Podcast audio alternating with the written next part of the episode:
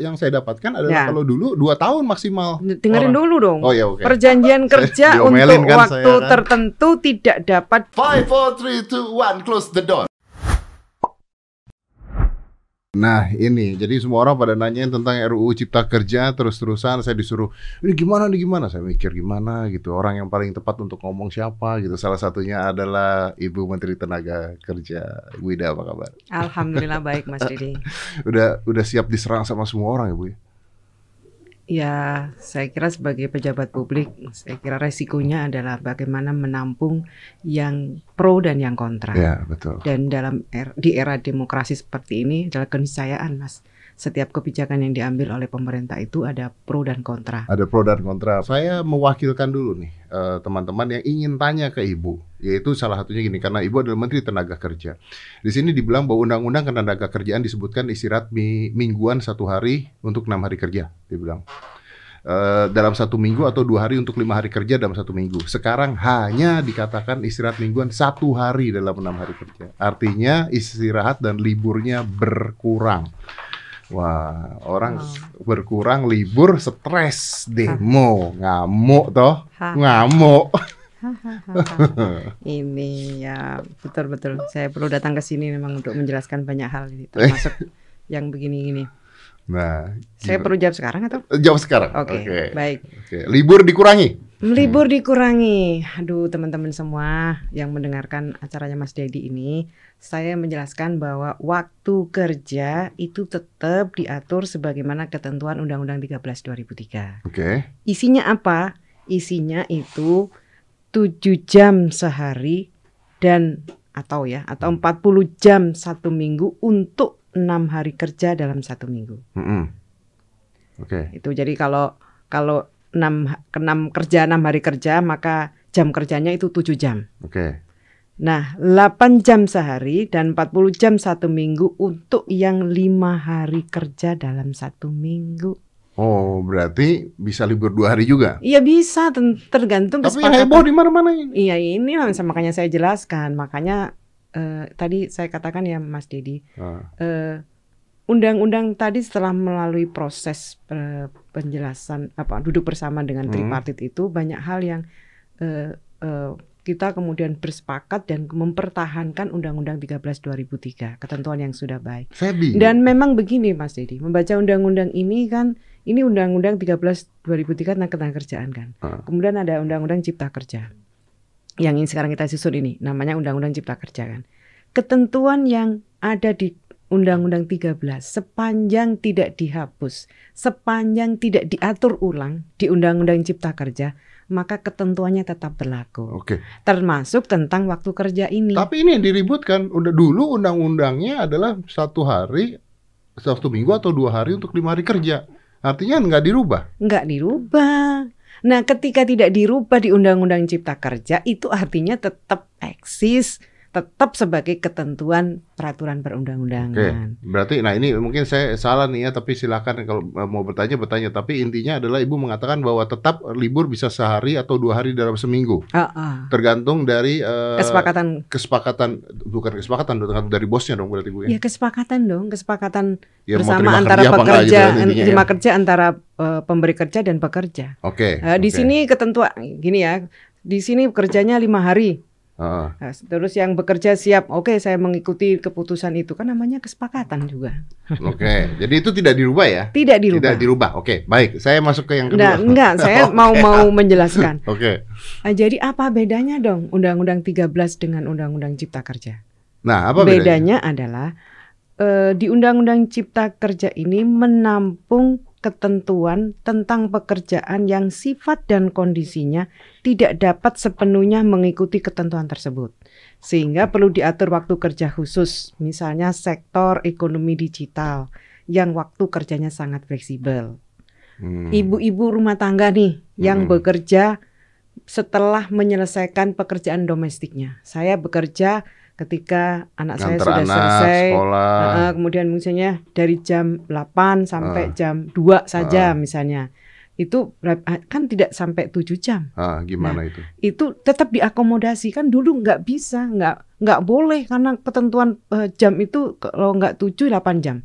Hmm. Jadi Berarti eh, sebenarnya kalau dalam hal ini menguntungkan pekerja. iya dong, Hmm. jenis pekerjaan yang eh, Oke. tidak eh, ini kan dinamika ketenagakerjaan kan sangat Ya berubah-ubah terus. betul, Banyak betul. sekali jenis pekerjaan. Anak-anak milenial itu banyak kan Mas Dedi ya. Anak-anak milenial kerja itu satu hari bisa dua bos loh.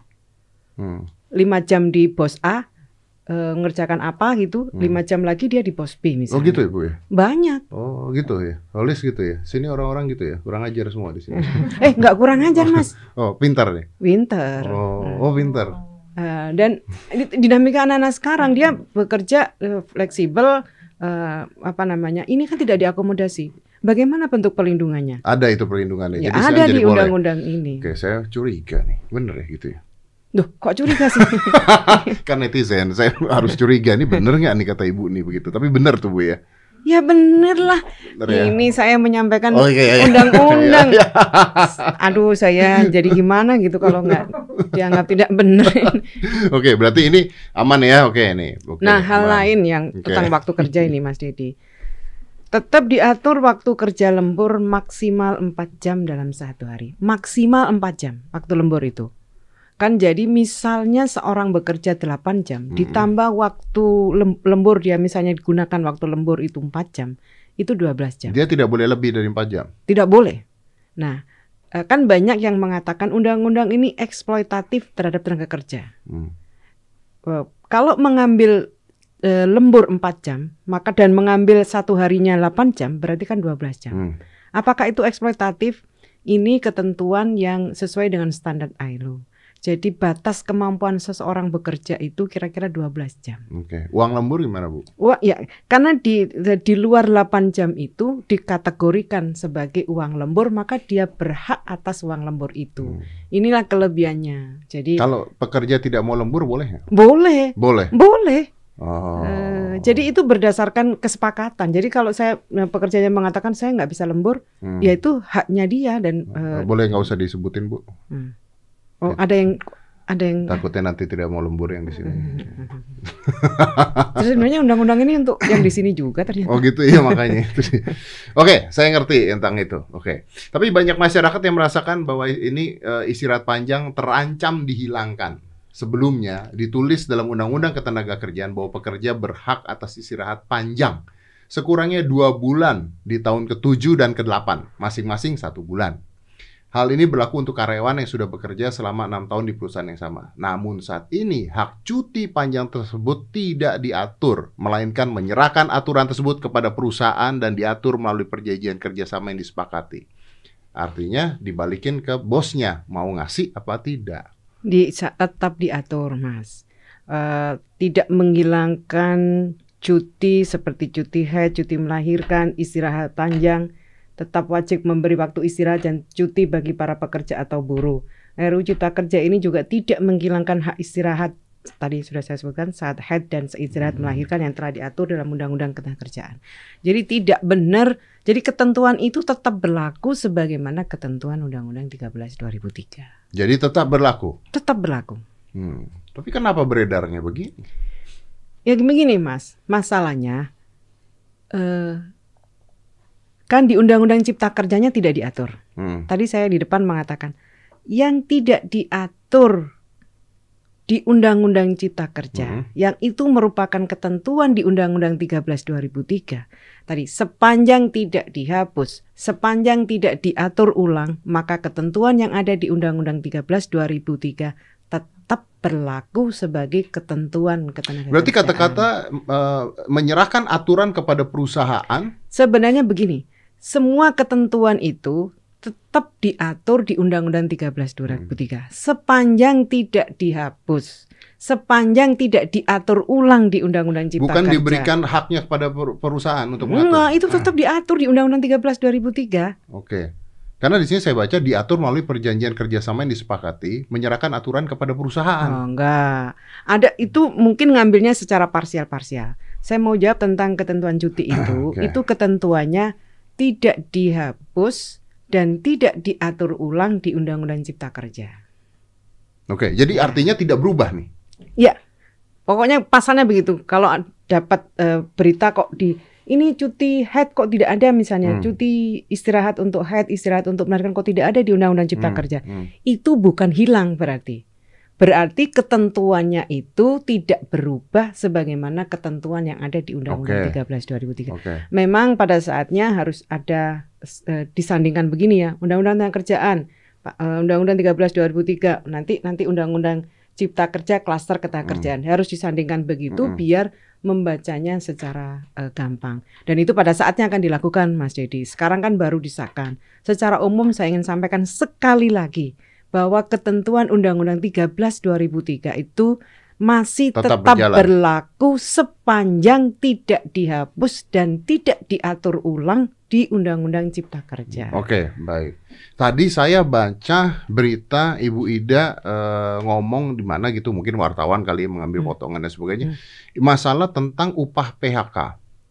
Di mana upah PHK itu tadinya harusnya 30 kali lebih, lalu turun menjadi 25 kali lebih. Benar tidak, Bu? Karena saya baca berita itu, Ibu mengatakan hal Pesangon tersebut. Pesangon PHK. PHK. Ah. Kok diturunkan PHK itu?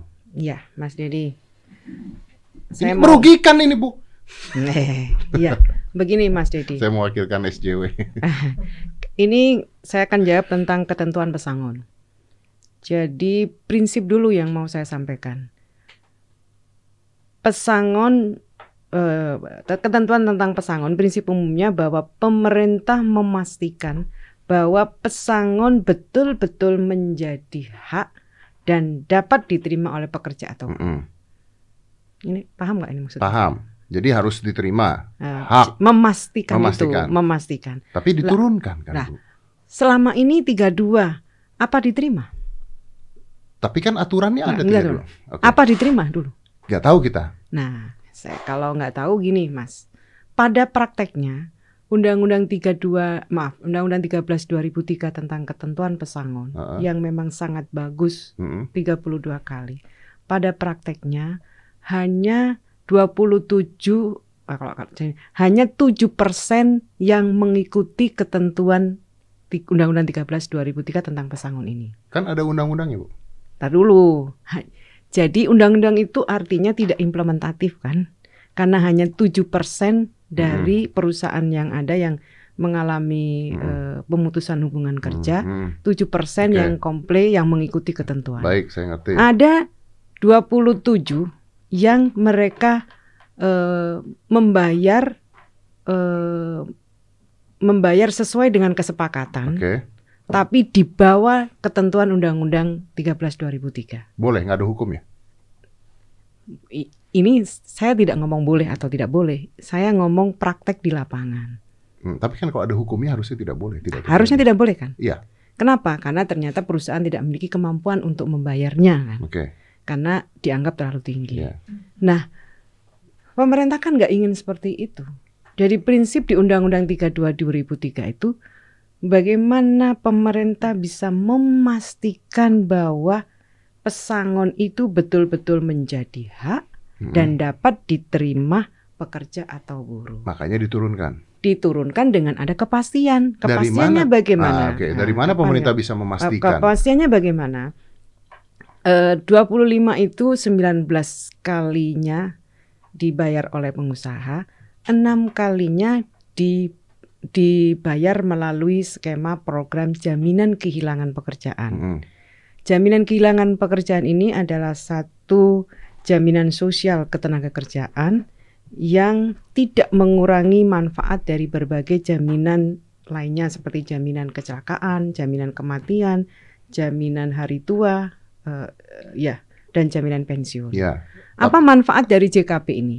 Manfaat dari JKP ini pe- pe- pekerja mendapatkan cash benefit selama enam bulan. Kira-kira enam bulan ya nanti akan diatur eh, eh, enam Iya, iya, bulan. iya. Kemudian mendapatkan vocational training dan mendapatkan akses Itu kan yang dari pemerintah. Nah, Tapi kan gimana Anda menjamin kali gimana menjamin yang perusahaan yang 19 kali itu kan Nah, tidak kita- bisa sama aja, Bu. yang 19 kalinya dibayar oleh eh, Perusahaan. perusahaan.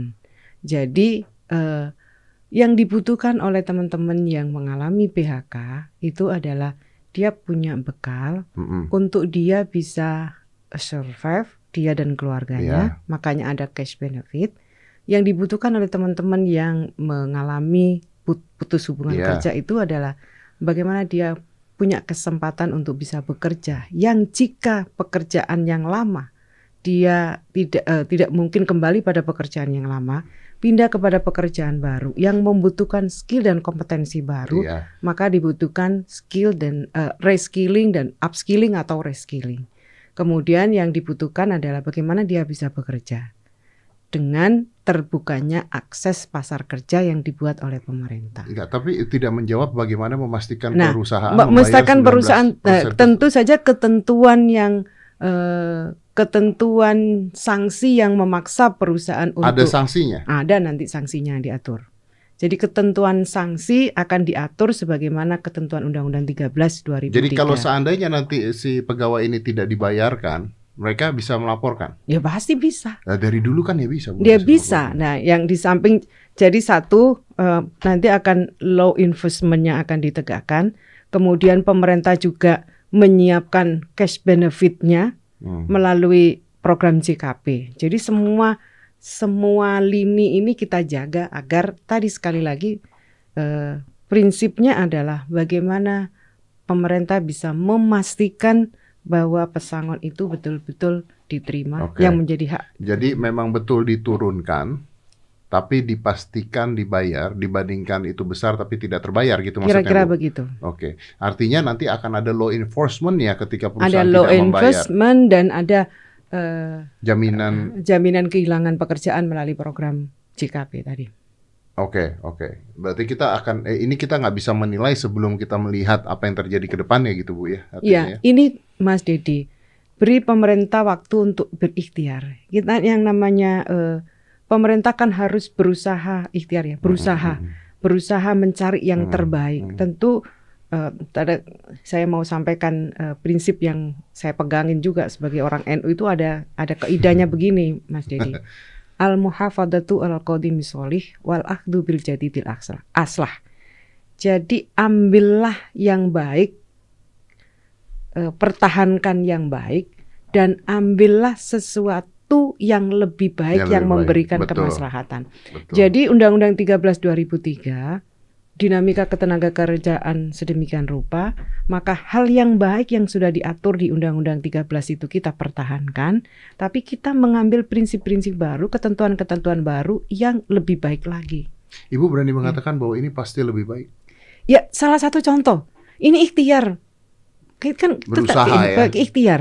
Tentu kan ini pemerintah ketika melakukan ini kan berdasarkan kajian, Mas Dedi. Iya, iya, iya. Misalnya kajian, kita ternyata kenapa eh, eh, kenapa eh, tidak implementatif? Karena tidak ada kemampuan ke pengusaha untuk membayarkan itu. Kenapa tidak mampu ya? Karena eh, ya kemampuan ini kan juga kemampuan rata-rata perusahaan di dunia juga. Hmm, ya semuanya lagi lagi enggak, enggak, enggak hanya enggak hanya karena COVID sih. Iya. Kemampuan perusahaan untuk ada pesangon aturannya. yang sebesar ini kan memang eh, tidak di atas rata-rata pesangon pada umumnya negara kan. Dan nyatanya memang normal tidak. gitu. Iya, iya. Nah, nyatanya memang kita tidak mampu. Buktinya tadi eh, yang saya sampaikan tadi. Oke, oke. Kita bicara tentang PHK. Di sini juga dikatakan PHK Nah, saya ma- ma- Oke. Mas Mas Dedi, ikhtiar itu, eh, ikhtiar itu, meskipun itu eh, ikhtiar baik itu dapat pahala satu. Ikhtiar itu dapat satu pahala. Iya. Dia kemudian eh, dia akan ditambah pahalanya. Ternyata ikhtiarnya itu efektif seperti yang dikehendaki. Jadi Jadi sebenarnya- kita harus melihat dulu jalannya seperti apa intinya seperti itu. artinya, eh, eh, berilah kesempatan bagi pemerintah untuk berikhtiar, berusaha, memberikan yang terbaik gitu. Oke. Oke. Oke, ini ini menarik nih Ibu mengatakan berikan kesempatan untuk pemerintah ya. Berikan Mm-mm. kesempatan untuk pemerintah gitu. Mm. Cuman kan memang sekarang ini segala sesuatu pasti akan terjadi eh, benturan-benturan.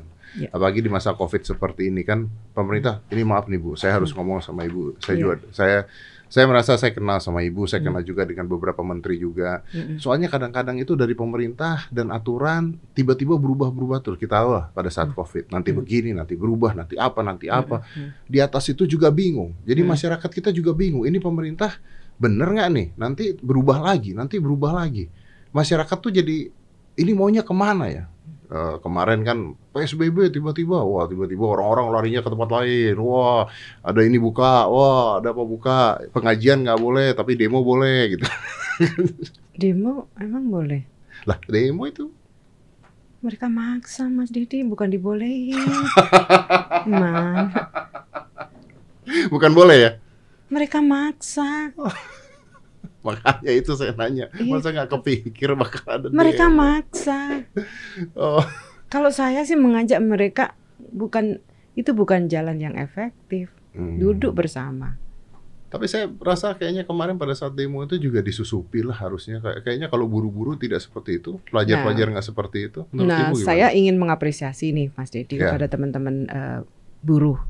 Ternyata dalam dalam eh, dalam report saya lah paling enggak yang terreport di saya teman-teman buruh melakukan eh, turun ke jalan dengan tertib. tertib. Mereka ada yang beberapa serikat pekerja datang ke Kementerian Ketenagakerjaan menyampaikan aspirasinya, kita terima, kita dialog, setelah itu pulang. Hmm. Dan saya lihat beberapa daerah juga hal yang sama.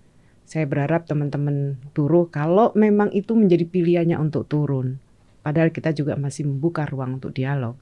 Jika memang terpaksa harus turun, ya turun dengan tidak anarkis, dengan ingat sih kalau saya sih selalu mengingatkan eh, ya ini masih covid ini belum ketemu Iya. ininya vaksinnya mau gimana caranya kita kalau demonya berde- berdekatan tanpa masker kayak begitu gimana? Masalahnya Bu di sini tertulis di satu berita Kapolda Metro Jaya boleh demo asal tertib. Berarti- Saya tidak tahu ya itu, tapi eh, sebenarnya adalah hak. Pemerintah sudah menyampaikan bahwa ingat ini sekarang lagi COVID, ya, berarti disarankan tidak sebenarnya. sangatlah. Hmm, Nah ini sangat dia lah. karena di sini menyampaikan pendapat di muka umum atau unjuk rasa diperbolehkan berdasarkan undang-undang. Ya memang sih, tapi kan kalau Memang. PSBB ini apakah kemarin tuh boleh apa enggak itu yang harusnya kita tanya. Tapi itu bukan Saya bukan saya yang harus jawab ya. bukan- Oke oke oke, saya tidak akan membebankan ibu dengan itulah ya. Sudah Tapi banyak beban saya. Iya ya saya tahu saya tahu saya tahu. saya tuh mau nanya aja kasihan Aduh, sebenarnya. enggak sih. Tapi kan ibu harus wah, Oh, oh, ya dong. Emang kelihatan gimana? Enggak kan? Enggak, enggak, enggak. Tapi di sini PHK kan juga akhirnya orang mengatakan bahwa PHK ini ternyata terus diberikan ke- kekuatan lebih buat perusahaannya. Kayak misalnya ada penggabungan perusahaan boleh melakukan PHK, efisiensi boleh melakukan PHK, eh, ada kece- apa di sini tulis eh, sakit berkepanjangan boleh di PHK. Eh, jadi eh, perusahaan boleh melakukan PHK lebih besar lagi dibandingkan dulu. Kalau saya sih tidak terlalu memasalkan hal itu karena kalau memang ada penggabungan, this is normal. I think this is what happened. Saya kira ini dulu Mas Billy, ketentuan tentang eh, syarat-syarat PHK Mm. itu tetap mengacu Undang-Undang 13 2003 dan mengacu pada keputusan Mahkamah Konstitusi. Hmm. Jadi itu patokannya. Jadi ada beberapa keputusan Mahkamah Konstitusi yang harus diakomodasi Oke. melalui cipta, cipta kerja. ini. Detailnya tentu saya s- eh, ini ya, tapi Mm-mm. prinsip umum itu yang Ya. Disepakati. Saya setuju. Kalau itu saya tidak tahu memusingkan karena maksud saya saya juga mengerti sebagai sebuah perusahaan pasti ketika ada ya kalau tidak jalan ya gimana mau gimana lagi apalagi Covid kemarin kita sempat ngobrol kan Bu. PHK bayar aja nggak bisa kok kita mau gimana lagi gitu karena ada Betul. situasi tertentu. Betul. Tapi yang paling diserang di sini kan sebenarnya adalah kerja kontrak. Mm-mm. Ibu tahu dong ya. Mm-mm. Nah, sekarang katanya eh, orang kerja kontrak itu bisa jadi lama. Kalau dulu itu kalau dulu itu kan dua tahun ya. Undang-undang ketenagakerjaan sebelumnya pekerja maksimal dilakukan dua tahun bisa diperpanjang. bisa diperpanjang dalam waktu satu tahun. Nah sekarang pasal tersebut tidak ada batasan aturan seorang pekerja bisa dikontrak. Artinya seseorang bisa jadi pekerja kontrak. Ini ibu udah tersenyum-senyum dia lagi punya jawaban kayaknya nih ya. Kalau ya gimana Mas? Kok Ar- banyak Artinya seorang bisa kerja kontrak seumur hidupnya dia tidak akan menjadi pegawai tetap. Dan ini merugikan sekali untuk para pekerja. Saya jawab ya. Iya. Yang pertama tentang eh, P- PKWT, Oke. kerjaan waktu kerja tertentu. Hmm. Disebutnya PKWT kalau teman-teman Kerja menyebutnya kontrak. biasanya kerja kontrak. Satu bahwa ketentuan tentang PKWT itu tetap diatur sebagaimana ketentuan Undang-Undang 13 2003. Oke. Itu sa- sa- satu prinsip dulu. Jadi eh, apa sih yang diatur itu? Saya akan lihat pasalnya. Tuh kok ketawa mas? Saya membayangkan hidup Anda berapa hari. Iya nggak sih? Ya, yang pertama nih Mas. Perjanjian kerja dibuat untuk waktu tertentu atau waktu tidak tertentu. Oke. Kemudian perjanjian kerja untuk waktu tertentu sebagaimana dimaksud pada ayat 1 didasarkan pada jangka waktu dan selesainya suatu pekerjaan tertentu. Jangka waktu atau selesainya suatu pekerjaan tertentu sebagaimana di- di- ditentukan berdasarkan perjanjian kerja. Ketentuan lebih lanjut mengenai perjanjian kerja waktu tertentu berdasarkan jangka waktu atau selesainya suatu pekerjaan tertentu tersebut diatur dengan peraturan pemerintah. Itu Kemudian di pasal yang lain dijelaskan perjanjian kerja untuk waktu tertentu hanya dapat dibuat untuk pekerjaan tertentu yang menurut jenis dan sifat atau kegiatan pekerjaan yang akan selesai dalam waktu tertentu, Hmm. yaitu banyak banget tertentu. Pekerjaan Saya yang- Ini. ngerti. Harus- Saya langsung nggak ngerti. harus saya jelaskan nih, pekerjaan yang sekali selesai atau yang sementara sifatnya. Oke. Yang kedua, pekerjaan yang diperkirakan penyelesaiannya dalam waktu yang tidak terlalu lama. Iya. Oh tidak. Oke. Ya, kemudian pekerjaan yang sifatnya musiman. Oke. Kemudian lah ini ya. pekerjaan yang berhubungan dengan produk baru, kegiatan baru, atau produk eh, tambahan yang masih dalam percobaan atau perjajakan, atau pekerjaan yang jenis dan sifat atau kegiatannya bersifat tidak Ini ini tetap. pasal yang lama ya. Iya, pasal yang lama. Pasal yang lama. Pasal yang lama. Tapi di sini di sini yang saya baca yang saya dapatkan adalah Ya. kalau dulu dua tahun maksimal. Dengerin orang. dulu dong. Oh ya oke. Perjanjian Saya kerja untuk kan waktu saya kan. tertentu tidak dapat diadakan untuk pekerjaan yang bersifat tetap. Mm-mm. Oke. Perjanjian kerja untuk waktu tertentu yang tidak memenuhi ketentuan sebagaimana yang disebut saya tadi tadi, maka demi hukum menjadi perjanjian kerja waktu tidak tertentu. Ketentuan lebih lanjut mengenai jenis, sifat, dan kegiatan pekerjaan, jangka waktu, dan batas waktu perpanjangan perjanjian kerja waktu tertentu akan diatur dengan peraturan pemerintah. Ya, Bu, maaf ya. Nih, nih, nih. Saya bukan ngetawain Ibu. Hah. Saya merasa goblok.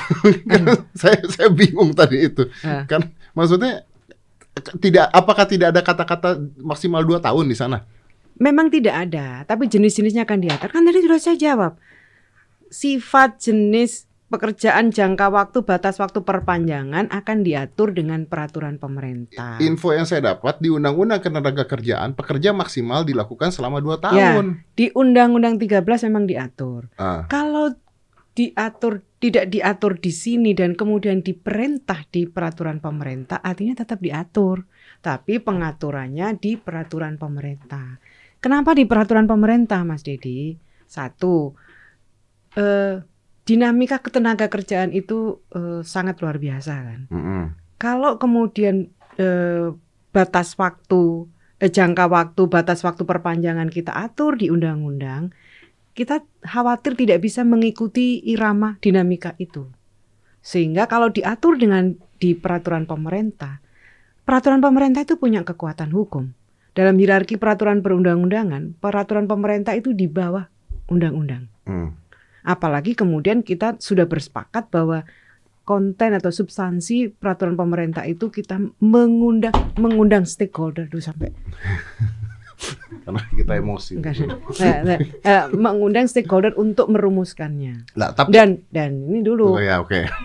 praktek di beberapa negara pengaturan lebih teknis tentang eh, PKWT ini itu banyak yang diatur tidak diatur di undang-undangnya. Kenapa?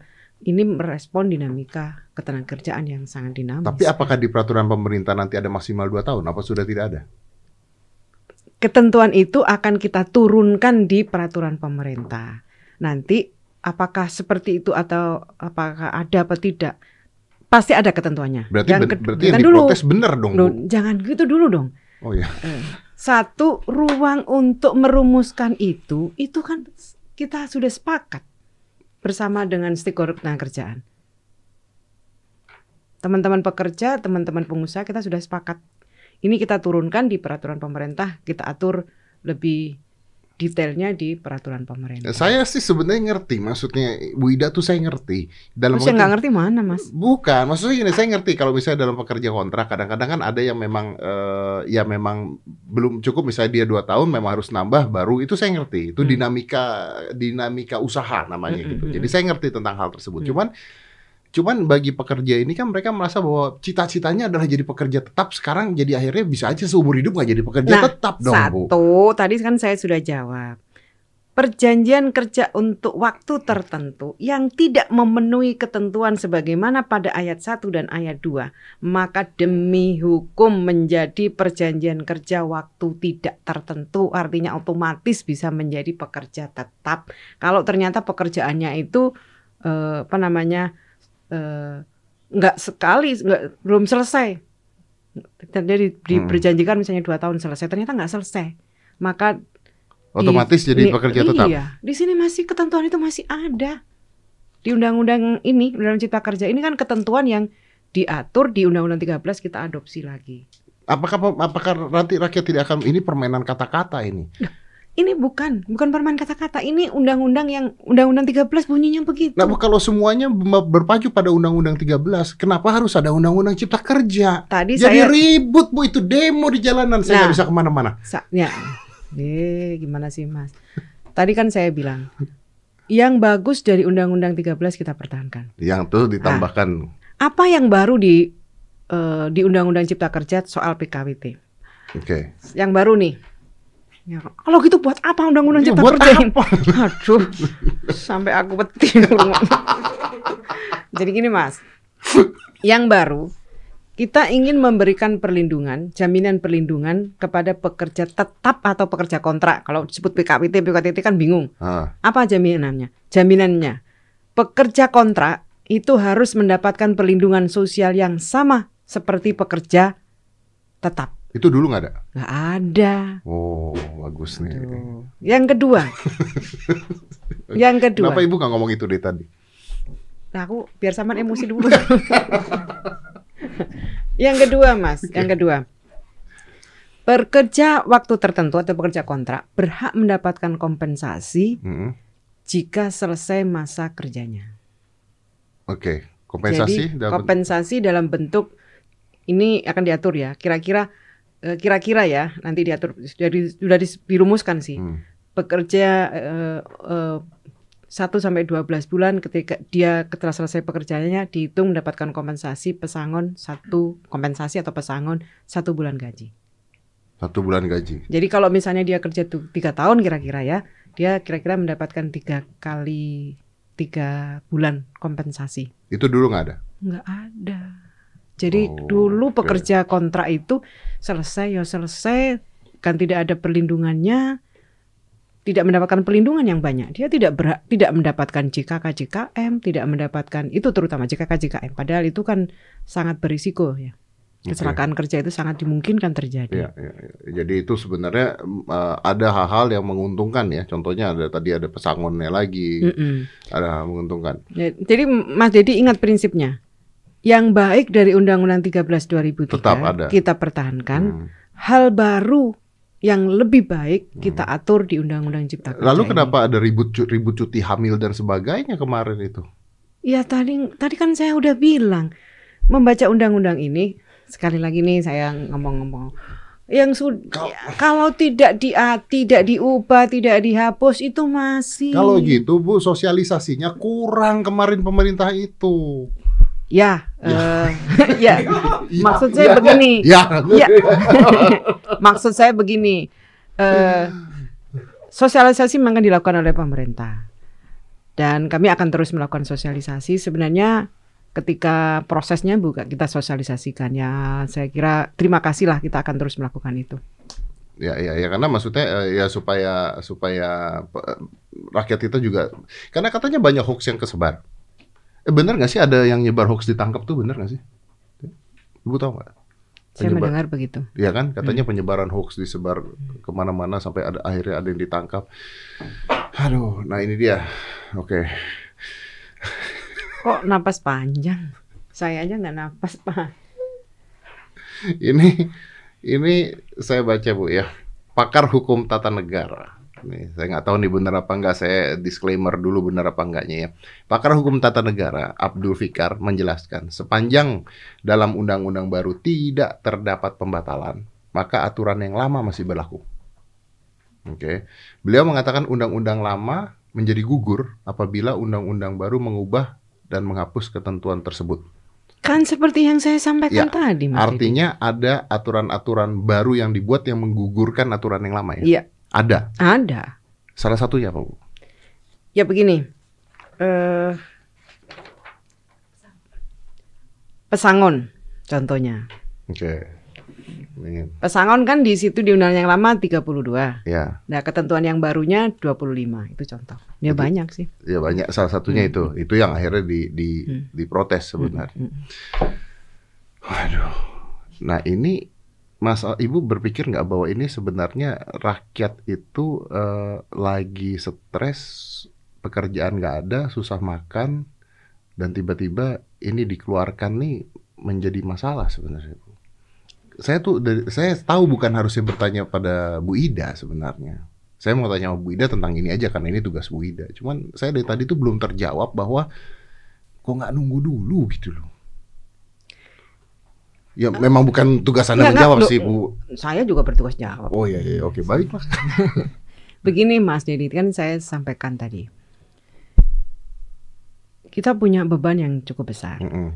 Beban kita ini pengangguran kita sebelum COVID Mm, itu 6,9 juta. mm-mm. Karena COVID yang terdampak COVID-19 ini yang Mbak ini Mbak Idris di Kementerian Kerjaan itu 2,1. Yang eh, kira-kira yang tidak terdaftar kira-kira 3 sampai tiga setengah juta yang terdampak COVID-19. 6,9 tambah 3,5 lah. Kemudian angkatan kerja baru kita itu setiap tahunnya 2,4 sampai 3 juta.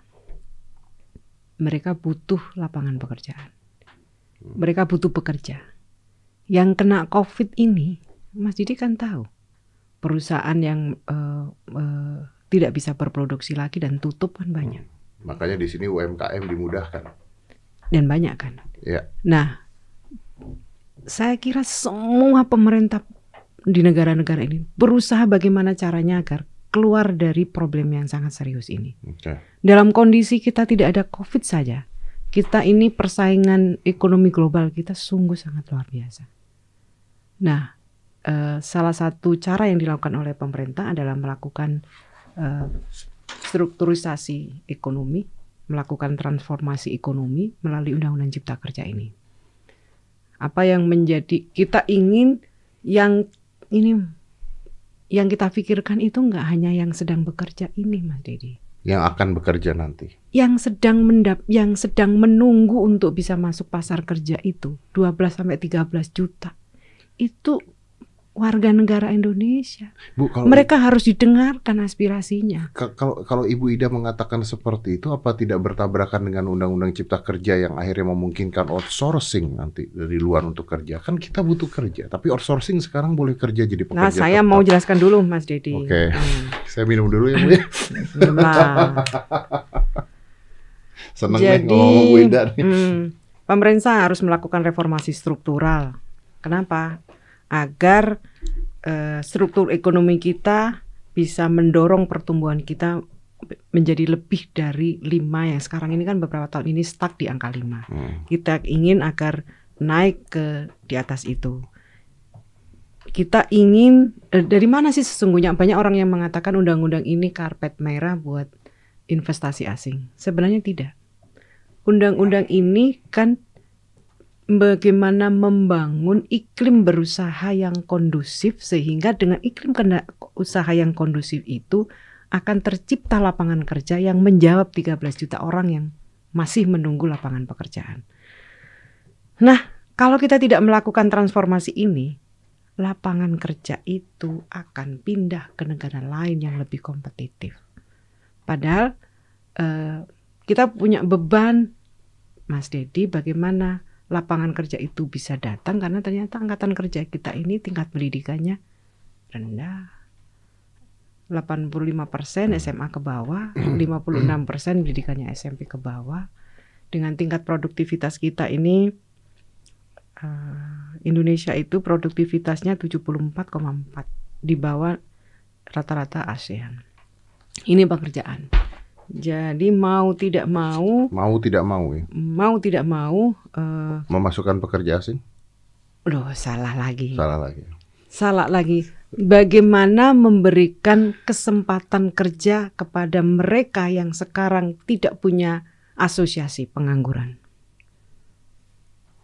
Apa hubungannya dengan membuka kesempatan untuk tenaga kerja asing Loh, bekerja tetap di sini? Enggak, bukan bukan ini kok tenaga kerja asing. Ini outsourcing. Yang oh, kok jauh sekali sih mas? Tadi saya nanya tentang outsourcing yang hmm. bisa bekerja di Indonesia itu. Sebentar dulu saya jawab dulu. Nih oh, tadi kan tadi kenapa kok pemerintah pemerintah ini bikin undang-undang ini? Ini problemnya Mas Dedi sehingga uh, dari mana sih uh, uh, investasi itu datang? Investasi itu bisa datang dari luar, bisa datang dari dalam. Kita di undang-undang ini jangan dilihat klaster ketenagakerjaan klaster yang lain bagaimana UMKM kita dipermudah nggak perlu lagi izin cukup beritahu saja hmm. kemudian uh, sertifikasi halal untuk peker, uh, untuk UMKM kita itu uh, gratis hmm. dibayar oleh pemerintah ditanggung oleh pemerintah izin itu sekarang dipermudah. Hmm, kalau itu iya, saya iya, setuju. Itu salah satu cara membangun iklim investasi yang kondusif. Setuju saya. Jadi yang dikeluhkan adalah birokrasi yang gemuk, kemudian regulasi yang obesitas, kemudian tumpang tindih peraturan, kemudian banyaknya pungli, itu eh, salah satu kemudian eh, pengolahan ketenaga kerjaan yang eh, perlu ditata lebih baik lagi, itu salah satu cara sehingga kemudian pemerintah mengatur dalam satu sebuah bus dalam satu bus yang disebut omnibus law cipta kerja. Mm -hmm. Udah, ini sudah selesai. Udah, itu saya Mas, ngerti, Bu. Udah, terus apa? Nah, tapi kan sekarang, orang ributin outsourcing, outsourcing, akhirnya sekarang jadi pekerja tetap. Akhirnya pekerja Indonesia tidak di bersaing dengan pekerja-pekerja luar. Nah, saya sih tahu jawabannya, tapi Malah, Mas. Tapi kan Anda yang bertanggung jawab. Iya, saya menjawab. Apalagi sekarang menjelaskan tentang TKA. Iya, TKA jadi mengarebut pekerjaan-pekerjaan orang yang ada di Indonesia. Hmm. TKA itu pengaturannya sebagaimana ketentuan Undang-Undang 13 2003. TKA itu hanya boleh pada jenis pekerjaan dan waktu tertentu. Tapi bisa jadi pekerja tetap? Tidak bisa tidak dong, bisa. tidak bisa dong. Kemudian TKA itu harus mensyaratkan uh, transfer of knowledge dan harus me, uh, menyediakan tenaga kerja Indonesia sebagai pendampingnya. Itu. Jadi Apakah ini untuk membuka usaha-usaha dari luar untuk masuk ke Indonesia juga? Kan mereka bilang, biasanya kan kalau company dari luar ketika masuk ke Indonesia mereka mau naruh orang-orang mereka di sini kan. Dia hanya boleh pada jabatan-jabatan tertentu dan waktu tertentu. Dibatasi waktunya. Dibatasi waktunya. Saya mau jelaskan di undang-undangnya. Dibatasi waktunya ya. Biar lebih yakin TKA. Oke. Oke. Setiap pemberi kerja, oke. Setiap pemberi kerja yang mempekerjakan tenaga kerja asing wajib memiliki rencana penggunaan tenaga kerja asing yang disahkan oleh pemerintah pusat. Pemberi kerja orang perseorangan dilarang mempekerjakan tenaga kerja asing. Mm -hmm. Ketentuan sebagaimana itu tidak berlaku bagi direksi atau komisaris dan seterusnya. Kemudian pegawai diplomatik tentu tidak diatur ya. Saya mau masuk pada sini. Eh, tenaga kerja asing dapat dipekerjakan di Indonesia hanya dalam hubungan kerja untuk jabatan tertentu dan waktu tertentu serta memiliki kompetensi sesuai dengan jabatan yang yang akan diduduki. Tenaga kerja asing dilarang menduduki jabatan yang mengurusi personalia. Ketentuan mengenai jabatan tertentu dan waktu tertentu sebagaimana dimaksud pada ayat 4 diatur dalam peraturan pemerintah. Pemberi kerja tenaga kerja asing wajib menunjuk tenaga kerja warga negara Indonesia sebagai tenaga pendamping tenaga kerja asing yang dipekerjakan untuk alih teknologi dan alih keahlian dari tenaga kerja asing. Melaksanakan pendidikan dan pelatihan kerja bagi tenaga kerja Indonesia sebagaimana dimaksud pada huruf A yang sesuai dengan kualifikasi jabatan yang diduduki oleh tenaga kerja asing. Memulangkan tenaga kerja asing ke negara ke negara asalnya setelah hubungan kerjanya berakhir. Jadi jadi mereka hanya berapa tahun gitu terus pulang? Ya itu diatur di peraturan pemerintah. Ada maksimalnya? Hmm? Ada maksimalnya? Uh, saya mesti pastikan. Tapi itu ketentuan itu diatur di peraturan pemerintah. Dan sebenarnya dulu Perpres kita lebih angkat dalam peraturan pemerintah, lebih tinggi status hukumnya dalam peraturan pemerintah, biar lebih lebih memiliki kekuatan hukum. Hmm. Ini juga diatur di Undang-Undang 13 2003. Oke. Nah, oke oke. Saya saya ngerti sih. Kalau saya sebenarnya kalau itu saya ngerti karena dari zaman dulu juga saya waktu saya pernah kerja juga di satu perusahaan dan GM-nya uh, bule sama berapa tahun dan gitu diganti oleh orang Indonesia kayak sekolah juga kan ada kepala sekolahnya masih bule terus ganti orang, Indonesia untuk kapasitas-kapasitas yang mungkin di Indonesia nggak bisa gitu ya atau butuh belajar kan kadang-kadang ada teknologi baru atau yang kita harus transfer belajar of knowledge, ya. ya transfer of knowledge artinya itu itu sih saya ngerti nah e, ibu sekarang dengan adanya ini apakah tadi sudah dikatakan bahwa ini ikhtiar gitu ya apakah yakin bahwa ini akan membantu perekonomian Indonesia dengan menciptakan omnibus law ini atau menciptakan apa? Karena saya melihat bahwa sebenarnya dengan pasal 13 yang dulu itu tidak terlalu jauh beda sebenarnya kalau ini iya, salah dong. Saya mau bacakan, Mas. Di Undang-Undang 13 ini, maaf, maaf. Di mana di RU Cipta Kerja ini ada ketentuan umum. Mm -hmm. Di bagian ke-1 umum menyebutkan bahwa dalam rangka penguatan perlindungan kepada tenaga kerja dan meningkatkan peran dan kesejahteraan pekerja atau buruh dalam mendukung ekosistem investasi, maka undang-undang ini mengubah ketentuan atau ini menjelaskan tentang maksud dari melakukan revisi penyempurnaan undang-undang ketenagakerjaan misalnya ada empat undang-undang yang diatur di sini. Yang di state di sini adalah ekosistem investasi itu membutuhkan penguatan perlindungan dan membutuhkan peran dan kesejahteraan buruh. Jadi tidak bisa di, di, dipisahkan kalau kita mem, ingin membangun ekosistem investasi, maka kesejahteraan, e, perlindungan itu harus diberikan. Dan undang-undang ini lebih memberikan perlindungan. Mana? Tadi kan itu mana undang-undang? Eh, eh, PKWT, PKWTT harus mendapatkan perlindungan yang sama. Ada kompensasi bagi PKWT ada jaminan kehilangan pekerjaan. Itu satu yang tidak diatur di Undang-Undang 13 2003. Berarti yang akhirnya eh, kemarin ribut-ribut cuti hamil dan sebagainya tidak ada tuh apa pun yang tidak ada artinya tetap mengikuti ya? Betul. Hmm. Nah kalau gitu menurut Ibu kenapa terus tiba-tiba terjadi kekacauan seperti ini? Uh, ini kan proses apa bukan proses yang tidak biasa proses. Jadi proses uh, legislasi yang tidak biasa. Hmm. Pembentukan peraturan perundang-undangan yang tidak biasa. Hmm. Karena biasanya kan hanya satu undang-undang direvisi atau disusun undang-undang baru. Hmm. Ini kan menyusun 79 undang-undang dalam satu undang-undang. Jadi uh, dan cara membacanya pun harus dengan seksama. Oke, okay. apakah menurut Ibu Ida ini urgent untuk dilakukan secepat ini? tadi saya sudah katakan kita ini mendesak mas kalau enggak kita bagaimana ngasih kesejahteraan kepada teman-teman yang sedang bekerja atau kita memberikan pekerjaan kepada yang nganggur tadi jadi e, hal baru yang kita yakini bahwa itu membawa kebaikan harus berani melakukan terobosan itu. Kalau pemimpin nggak berani melakukan terobosan, saya kira kita akan terjebak terus dalam kondisi yang seperti ini terus. Cita-cita Pak Jokowi kan udah sangat jelas waktu waktu beliau dilantik menjadi presiden yang periode yang kedua 20 Oktober yang lalu bahwa kita ingin Indonesia maju 2045. Indonesia maju 2045 yang mengantarkan Indonesia menjadi negara satu di antara lima negara terbesar dunia. Dengan kira-kira uh, kira-kira uh, kemiskinan itu mendekati 0%. Hmm. Itu kan butuh terobosan, Mas. Tidak gampang memang. Pasti ada pro kontra. Hmm. Jadi uh, uh, saya kira uh, ini ikhtiar tentu ikhtiar itu membutuhkan banyak effort ya saya kira dan uh, membutuhkan kita untuk terus meyakini meyakinkan uh, seluruh masyarakat bahwa ini adalah ikhtiar pemerintah untuk mencapai cita-cita mulia tadi.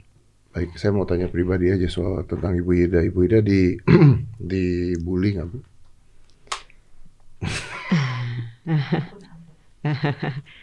Ini resiko. Ini resiko itu resiko, resiko ya. Jadi banyak Menyenangkan semua orang itu tidak gampang. Hmm, Oke. Okay. Okay. Jadi uh, ya tidak gampang menyenangkan semua orang. Okay. Jadi ya resiko sebagai sebuah jabatan.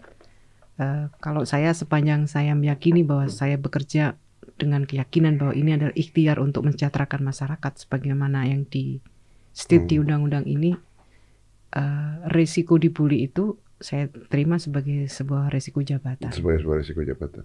Ibu tahu bahwa UMKM, uh, apa pabrik dan sebagainya sekarang berantakan karena pandemi. Banyak yang tutup juga semua karena pandemi bisnis banyak yang tutup. Lalu keluarlah Cipta Kerja ini. Kapan kita kerjaannya dari mana gitu? Mereka juga nggak punya kerjaan karena perusahaan tutup, pemain PSBB semua tutup. Kapan kita bisa balik ya bu?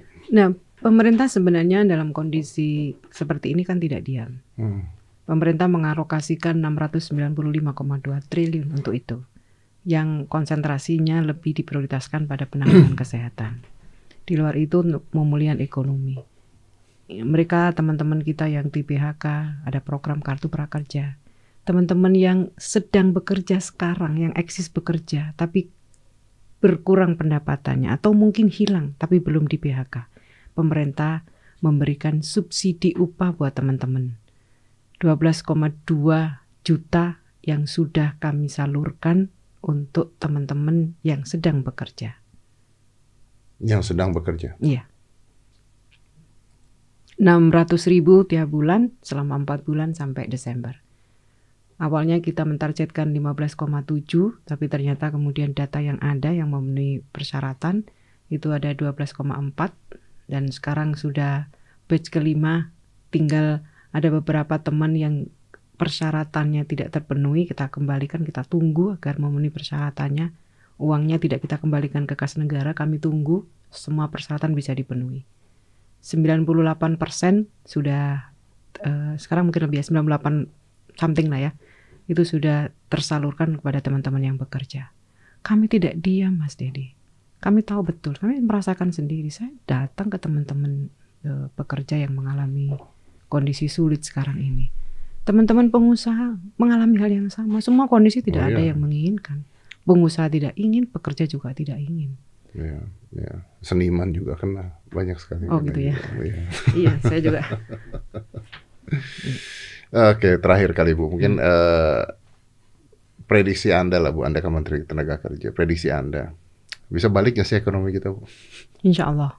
Kalau insya Allah insya nih, kira-kira menurut prediksi Ibu, uh, berapa lama untuk bisa balikin? Sebenarnya, Mas, recovery tentu akan dilakukan 2021 ya. Jadi tahun 2021 itu adalah recovery Betul. ekonomi. Jadi ini bukan persoalan yang gampang. Semua negara mengalami. Tapi pemerintah tidak mau kalah dengan COVID-19 ini.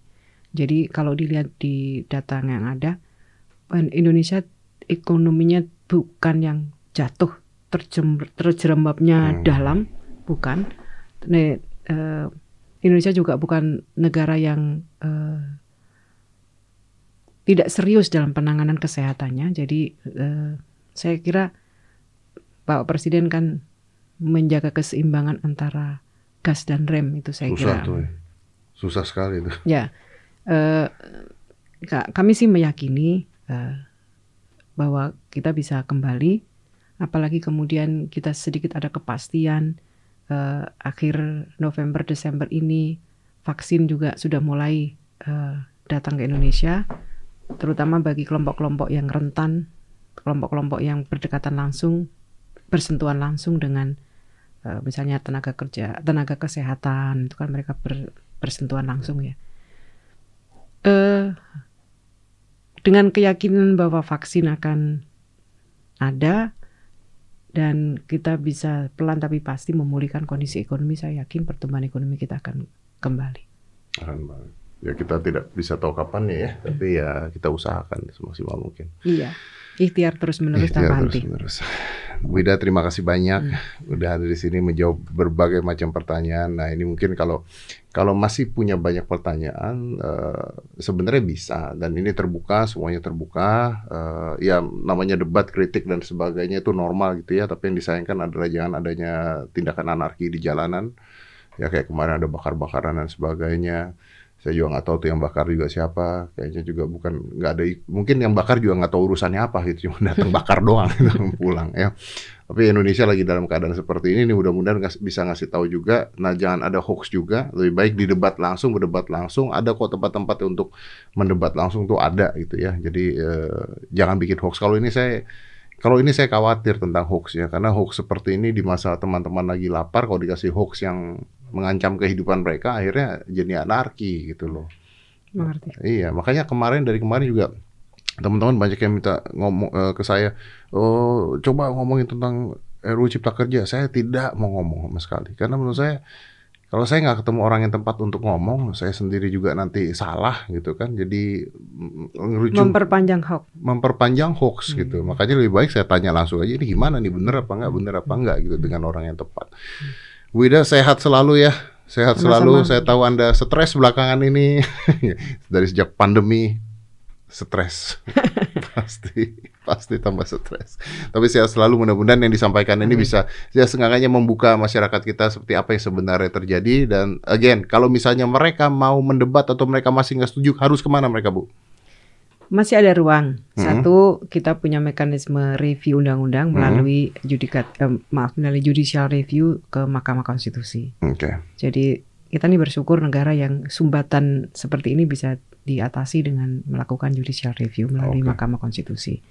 Selebihnya saya tetap meng- mengundang terutama stakeholder ketenagakerjaan kita duduk kembali, kita rumuskan Akan peraturan. dilakukan lagi tuh Bu? Akan kami lakukan. Oh, oke. Oh. Kita akan duduk kembali untuk merumuskan peraturan pemerintah. Pilihlah ini sebagai alternatif untuk mendialogkan hal-hal yang masih dirasa belum seaspiratif yang teman-teman inginkan. Ya, Ibu udah terima kasih banyak. Sama-sama. Assalamualaikum warahmatullahi wabarakatuh. Waalaikumsalam warahmatullahi wabarakatuh. Five, four, three, two, one. Close the door.